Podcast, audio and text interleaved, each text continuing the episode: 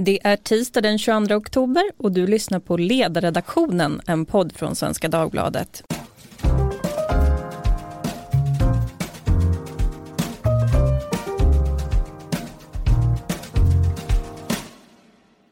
Jag heter Lydia Wåhlsten och idag ska vi prata om att Kommunal väljer att bryta sig ur LO-samordningen inför nästa års avtalsförhandlingar. Vi är stora och starka och nu är det många som är förbaskade också. Så sa Kommunals ordförande Tobias Baudin till Sveriges Radio när han kommenterade det här idag. Baudin är missnöjd för att LO inte har hörsammat Kommunals krav på högre löner i välfärdssektorn, framförallt för människor med yrkesutbildning. Men vad betyder det här beskedet egentligen och spelar det någon roll? Det ska vi prata om idag och det gör vi med Johan Schück, mångårig ekonomiskribent på Dagens Nyheter och idag frilansskribent i eget bolag. Välkommen Johan! Nils Karlsson, grundare och vd för Näringslivets forskningsinstitut Ratio och professor i statsvetenskap sitter med mig här i studion. Trevligt att vara här. Med mig har jag också Olof Ehrenkrona, Välkommen Olof. Tackar. Jag ska säga att jag pratar med både LO och Kommunal och LO har ju valt att inte kommentera frågan förrän imorgon då man har haft sitt representantskap. Och Tobias Baudin själv, han är ute och snurrar i annan etermedia. Han ska nämligen vara med i Studio 1 så han kunde inte heller komma. Men jag tänkte att vi ska prata lite om vad Baudin säger. Han säger så här då. Jag känner en oro för LOs framtid. Detta splittrar LO när vi inte har fått stödet. Och det är klart att det kan påverka relationen med LO i framtiden. Så vi börjar med en ja eller nej-fråga. Kommunal är det största förbundet inom LO, samlar drygt en halv miljon människor. Som en jämförelse då är det näst största förbundet Handel, så de har drygt 120 000 medlemmar. Är beskedet ett problem för LO, ja eller nej? Vad säger Nils? Ja. Olof? Ja. Johan? Ja. Om vi börjar med dig Johan, kan du utveckla varför är det här ett problem? Ja, det är klart att samordningen är ju en väldigt viktig sak för LO prestigemässigt och eh, för LO centralt eh, makt också. Och nu visar det största förbundet att man anser sig kunna klara sig bättre på egen hand. Och då försvagas ju LO centralt och det drabbar även de andra förbunden. Ser du också att det här drabbar de andra förbunden Nils? Ja, alltså LO har ju ett uh, oproportionerligt stort inflytande i samhällsdebatt och i svensk lönebildning givet den storlek som, som de har idag. De tappar medlemmar och de är mindre än både SAK och TCO. Då. En, en TCO enskilt också faktiskt. Så att det här är ju ett tecken på, på LOs, ja, att deras roll håller på att försvagas och kommer att försvagas framöver. Mm. Och det kan i grunden vara rätt sunt tror jag. Mm. Tycker du att det var intressant med dagens besked? Eller? Mycket intressant. Olof, vad säger du då? Ja, nej, jag håller med eh, vad båda säger. Det, det, här är ju ett uttryck för att intressemotsättningarna inom LO eh, skärps. Eh, och det har ju varit en utveckling som vi har sett sedan ganska långt tillbaka. Det som ju, tycker jag är intressant också det är ändå att åtminstone de första kommentarerna idag är väldigt eh, närmast likgiltiga och förströdda. Det är, det är utanför arbetarrörelsen uppfattas det kanske ännu inte som en sån här jättestor fråga. Men det tror jag att det är långsiktigt. Mm. Skulle man inte kunna vända på det? De flesta förbunden inom LO har flest privatanställda. För Kommunal handlar det om människor som är offentliganställda. Är inte LO befriade nu i avtalsrörelsen från Kommunal? Alltså LO är ju splittrat mer än när det gäller mellan Kommunal och, och de ja, privatanställda. Det finns ju precis samma motsättning mellan de här skyddade sektorerna som finns inom 6F som också vill ha väldigt mycket högre löneökningar. Eh, och det här är ju, ja, även en sektor som Pappers har varit ute och krävt 4% som vore väldigt problematiskt när det gäller svensk konkurrenskraft och svensk välfärd på sikt. Mm, jag tänkte att vi skulle komma in på det. Men Irene Wennemo, den ny generaldirektör för Medlingsinstitutet, som ju är den myndighet som ska se till att lönebildningen fungerar. Och hon säger idag att hon tycker att det är svårt att säga om konfliktrisken ökar med dagens besked. Men hon tror inte att det finns någon risk för att det så kallade märket spricker. Vem vill ta på sig att förklara vad märket är för någonting? Jag gör det gärna eftersom jag har skrivit typ tre böcker om det eller någonting. Ja, men märket är en sorts lönenormering. Alltså vi hade en katastrofal utveckling när det gäller konkurrenskraft och inflation på 70 80-talet. Och 1997 gjorde parterna inom industrin upp om ett så kallat förhandlingsordningsavtal, industriavtalet. Och då kom man fram till att industrin och de konkurrensutsatta sektorerna skulle sätta lönenormen och det här skulle gälla för resten av ekonomin. Sen har då motsvarande avtal ingåtts på den kommunala sidan och på den statliga sidan. De har också committat sig till att hålla till industrins märke, deras lönenorm. Även Medlingsinstitutets instruktioner säger att de ska följa det här märket. Och eh, jag tror också att det här kommer att hållas. Det är ett väldigt starkt, starka regler som finns när det gäller Medlingsinstitutets instruktioner att det är svensk konkurrenskraft som gäller. Mm. Johan, ser du någon risk med att märket spricker med anledning av Kommunals besked? Ja, vad jag tror kommer hända är att lönerna höjs mer eh, för eh, till exempel vårdpersonal än eh, vad som märket visar. Alltså det, märket är ju ändå ett genomsnitt. Det är inte så att alla måste få exakt märket. Och förra avtalsrörelsen så gjordes ju då ett undantag för undersköterskor, alltså en av Kommunals stora medlemsgrupper. Och nu har man inte varit beredd från de andra LO-förbunden att ställa upp på något liknande. Det, jag tror det är mycket det konflikten handlar om. Då räknar Kommunal med att Eh, bristen på personal inom många av eh, deras medlemsområden är så stor så att de lönerna kommer gå upp i alla fall för att arbetsgivaren inom kommuner och landsting känner sig tvungna att betala för att få eh, mer folk helt enkelt och det inte ska uppstå stora brister i vården. Mm. Eh, de har marknadskrafterna i ryggen och det är det de kommer att utnyttja nu. Sen om märket påverkas, jag tror inte det spelar så stor roll för den andra delen av avtalsrörelsen, den som gäller den privata sektorn, eh, hur det går med det här. Dessutom så eh, eh det är lite senare i vår som eh, kommunalt avtal går ut. Så att eh, den privata sidan, eh, fack och arbetsgivare, är tvungna att ingå ett nytt avtal innan den här kommunala avtalsrörelsen behöver vara avslutad. Så jag tror de kan klara sig lite grann så här, under radarn här. Mm. Intressant, så det är tidslinjen talar till Kommunals fördel att kunna sätta press på SKL då som är den största arbetsgivarorganisationen som man förhandlar med. Håller ni med om det? Alltså, men jag får två kommentarer. Jag tycker det här Kommunals, jag kan förstå Kommunal. Alltså, de är rätt underbetalda, dåligt betalda de som jobbar i de här sektorerna. De har långa utbildningar, de har studielån och sådana saker. Men de kommer aldrig komma att få bättre betalt om det ska finansieras via skattemedel. Så det är naivt att tro att det långsiktigt är en bra strategi för Kommunal att hålla fast vid det här att allt ska skötas i offentlig regi, finansieras via skattemedel. Utan istället, ska de någonsin få upp lönerna måste de släppa in privat finansiering i vård och omsorg. Mm. Det finns ju en enorm efterfrågan. Vad är Kommunals position idag? Ja, precis motsatsen. De har totalt motsägelsefulla ståndpunkter. Inga privata pengar men höjda löner.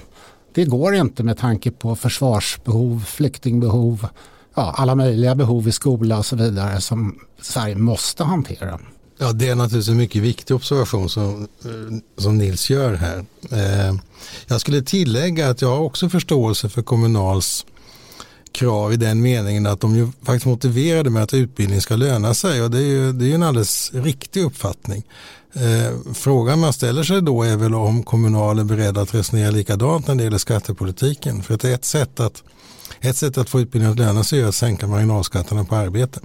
Mm. Men eh, ni tror ändå att de kommer kunna komma fram till något typ av avtal, Johan, SKL och Kommunal? Ja, det kommer de att göra för att de har inget annat val egentligen. Eh, och en konflikt eh, på det här området skulle kunna vara så pass skadlig för alla, så det tror jag inte att det blir heller.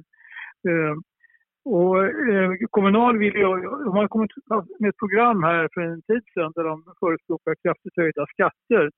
Eh, och det är klart att det är på det sättet som de tycker att eh, de här högre lönerna ska betalas. Och det är väl inte så troligt att de får igenom det, framförallt inte något nytt skattesystem på den här korta tiden det talas om.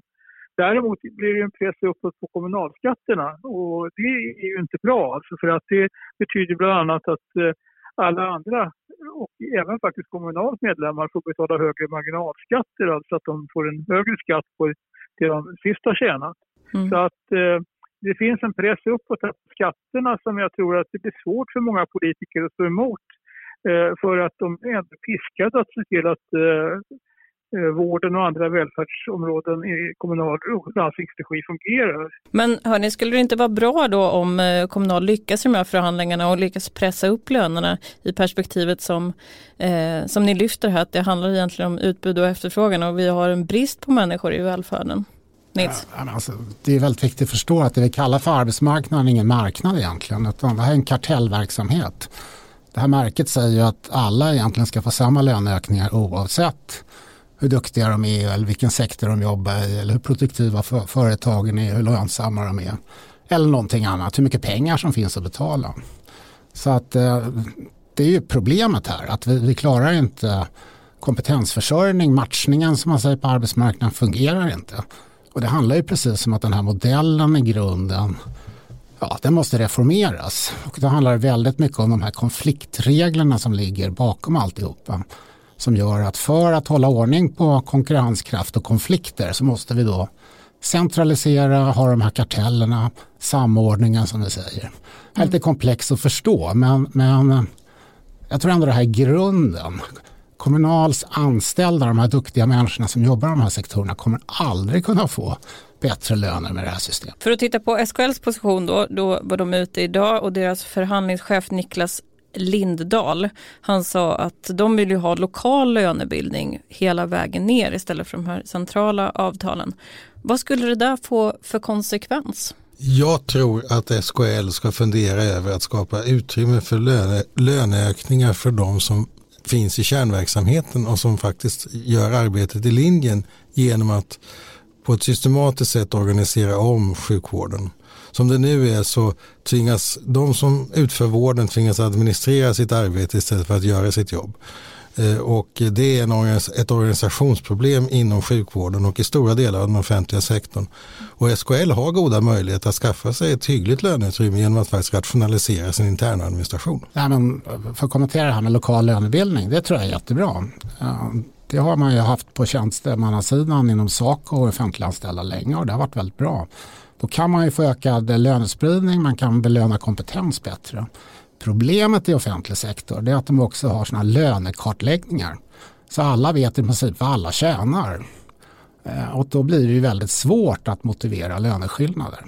Så att eh, istället för att faktiskt ha individuell lönesättning så blir det otroligt kollektivt alltihopa. Mm. Men av ett annat skäl, det hjälper liksom inte att kalla det för lokal lönebildning i den sektorn. Nej, men kan man fortfarande säga att vi har en svensk modell om all lönebildning skulle vara helt absolut, decentraliserad? Absolut. Vi har ju en jättebra svensk modell, man måste komma ihåg det när man lyssnar på det här att den svenska modellen fungerar bättre än kontinenten och Sydeuropa och så vidare. Vi har få konflikter, vi har bra konkurrenskraft men den här arbetsmarknaden fungerar inte ordentligt och det beror i hög grad på den här kartellverksamheten vi ägnar oss åt. Mm.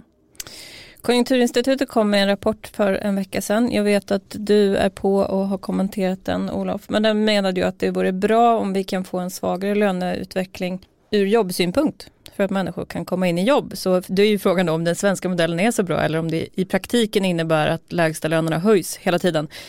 Men delar ni Konjunkturinstitutets syn här? Johan? Ja, det, det, i princip har de ju rätt. Alltså, det är klart att ifall man skulle få en långsammare löneutveckling så kommer det att eh, ge flera jobb.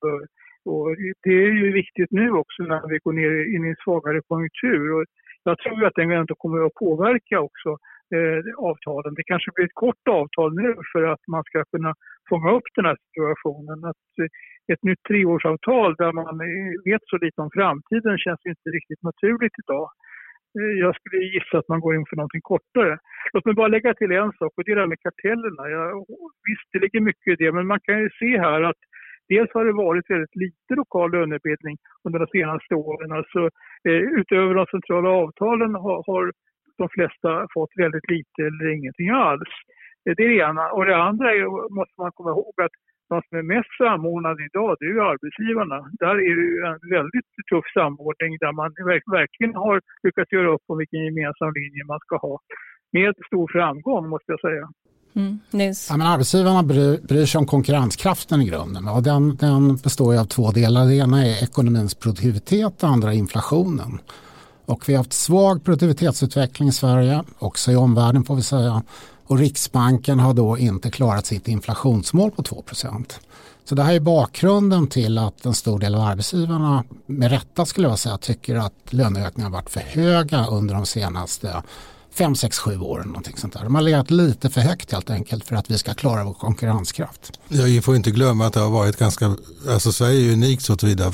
Vi har ju i stort sett haft 25 år av reallöneutveck- eh, positiv reallöneutveckling och det skiljer oss ju markant från både Tyskland och USA.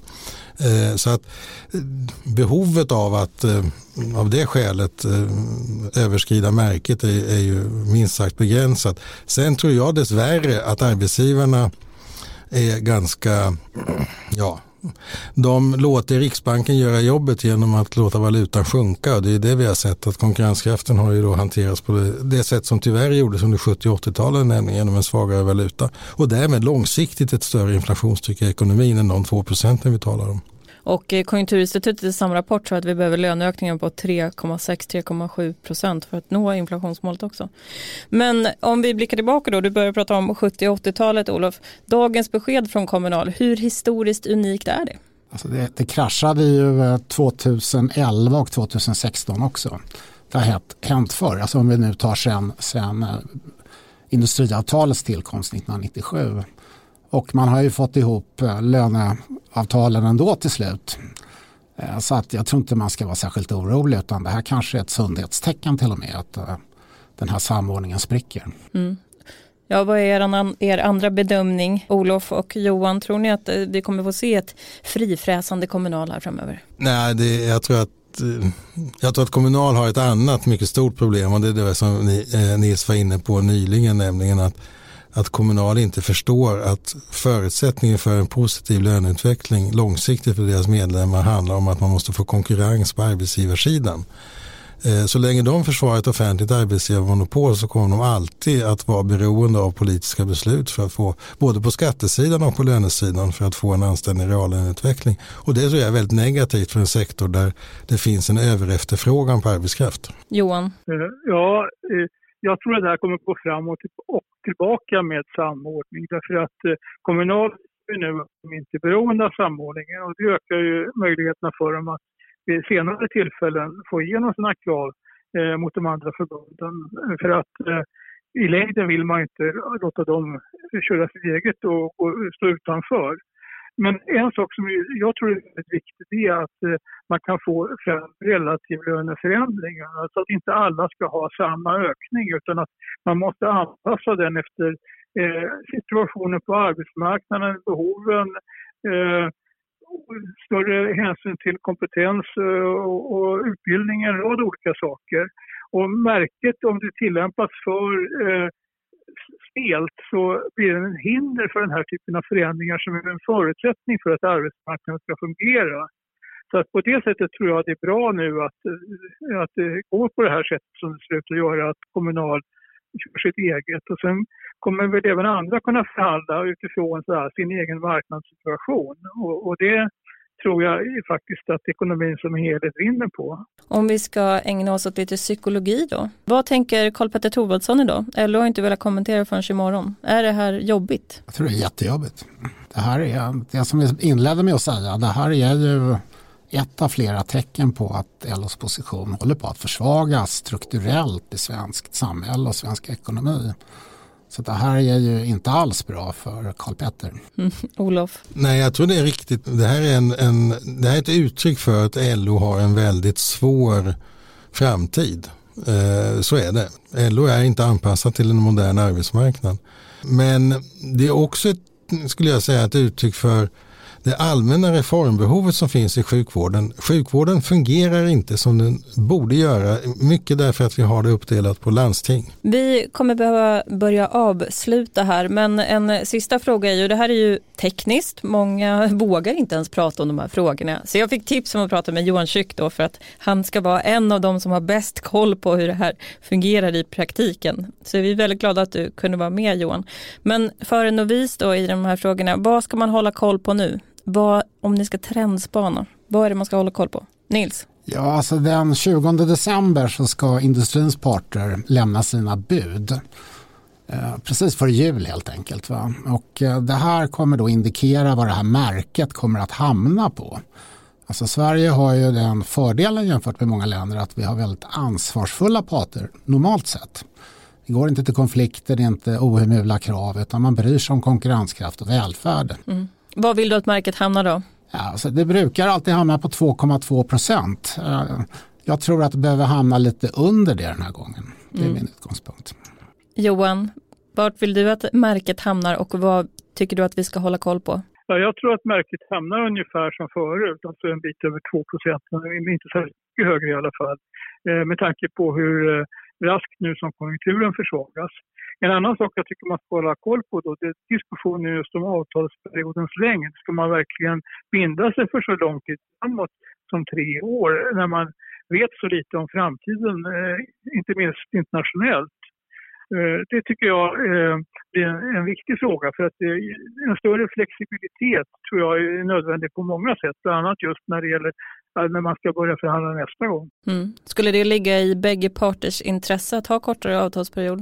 Ja, jag tror egentligen att det gör det, men det kan ju finnas möjlighet att vinna kortsiktigt. Arbetsgivarna kan tycka att man har en fördel nu av att man kan fästa uppmärksamhet på att ekonomin går svagare. Men mm. i, i längden så behöver ju även de en utveckling där, där eh, man ser till att eh, hålla lönerna på en normal ökningstakt. Vi ska inte undvika eh, för mycket som leder till kostnadskriser och liknande. Vi måste också, som har sagts här, hålla öga på kronkursen. Alltså det, det, kronkursen är farlig nu när den är så svag för att den kan förleda oss att tro att ekonomin är starkare än vad den faktiskt är. Olof, du får sista ordet. Tio ja, sekunder. För mig är märket en öde klippa i Ålands hav. Men eh, om vi ska vara seriösa så, så är det ju fråga om eh, arbetslösheten ytterst. Och där ligger vi redan på 7 procent. Och det är klart att lönerörelsen har betydelse för om vi kommer att kunna komma ner under de 7 procenten och därmed upp i den liga om den lägsta arbetslösheten som vi gärna vill vara väldigt högt i. Men där vi har misslyckats hittills. Mm. Och för er som vill se det här representantskapet så kan man ju hänga på LOs hemsida imorgon. Se hur diskussionerna går. Jag säger stort tack till Nils Karlsson, vd och grundare av Ratio, Johan Schück, mångårig ekonomiskribent på DN bland annat och nu egen och min kollega Olof Ehrenkrona. Har ni frågor om dagens podd så hör ni av er som vanligt till ledarsidan svd.se. Tack så mycket.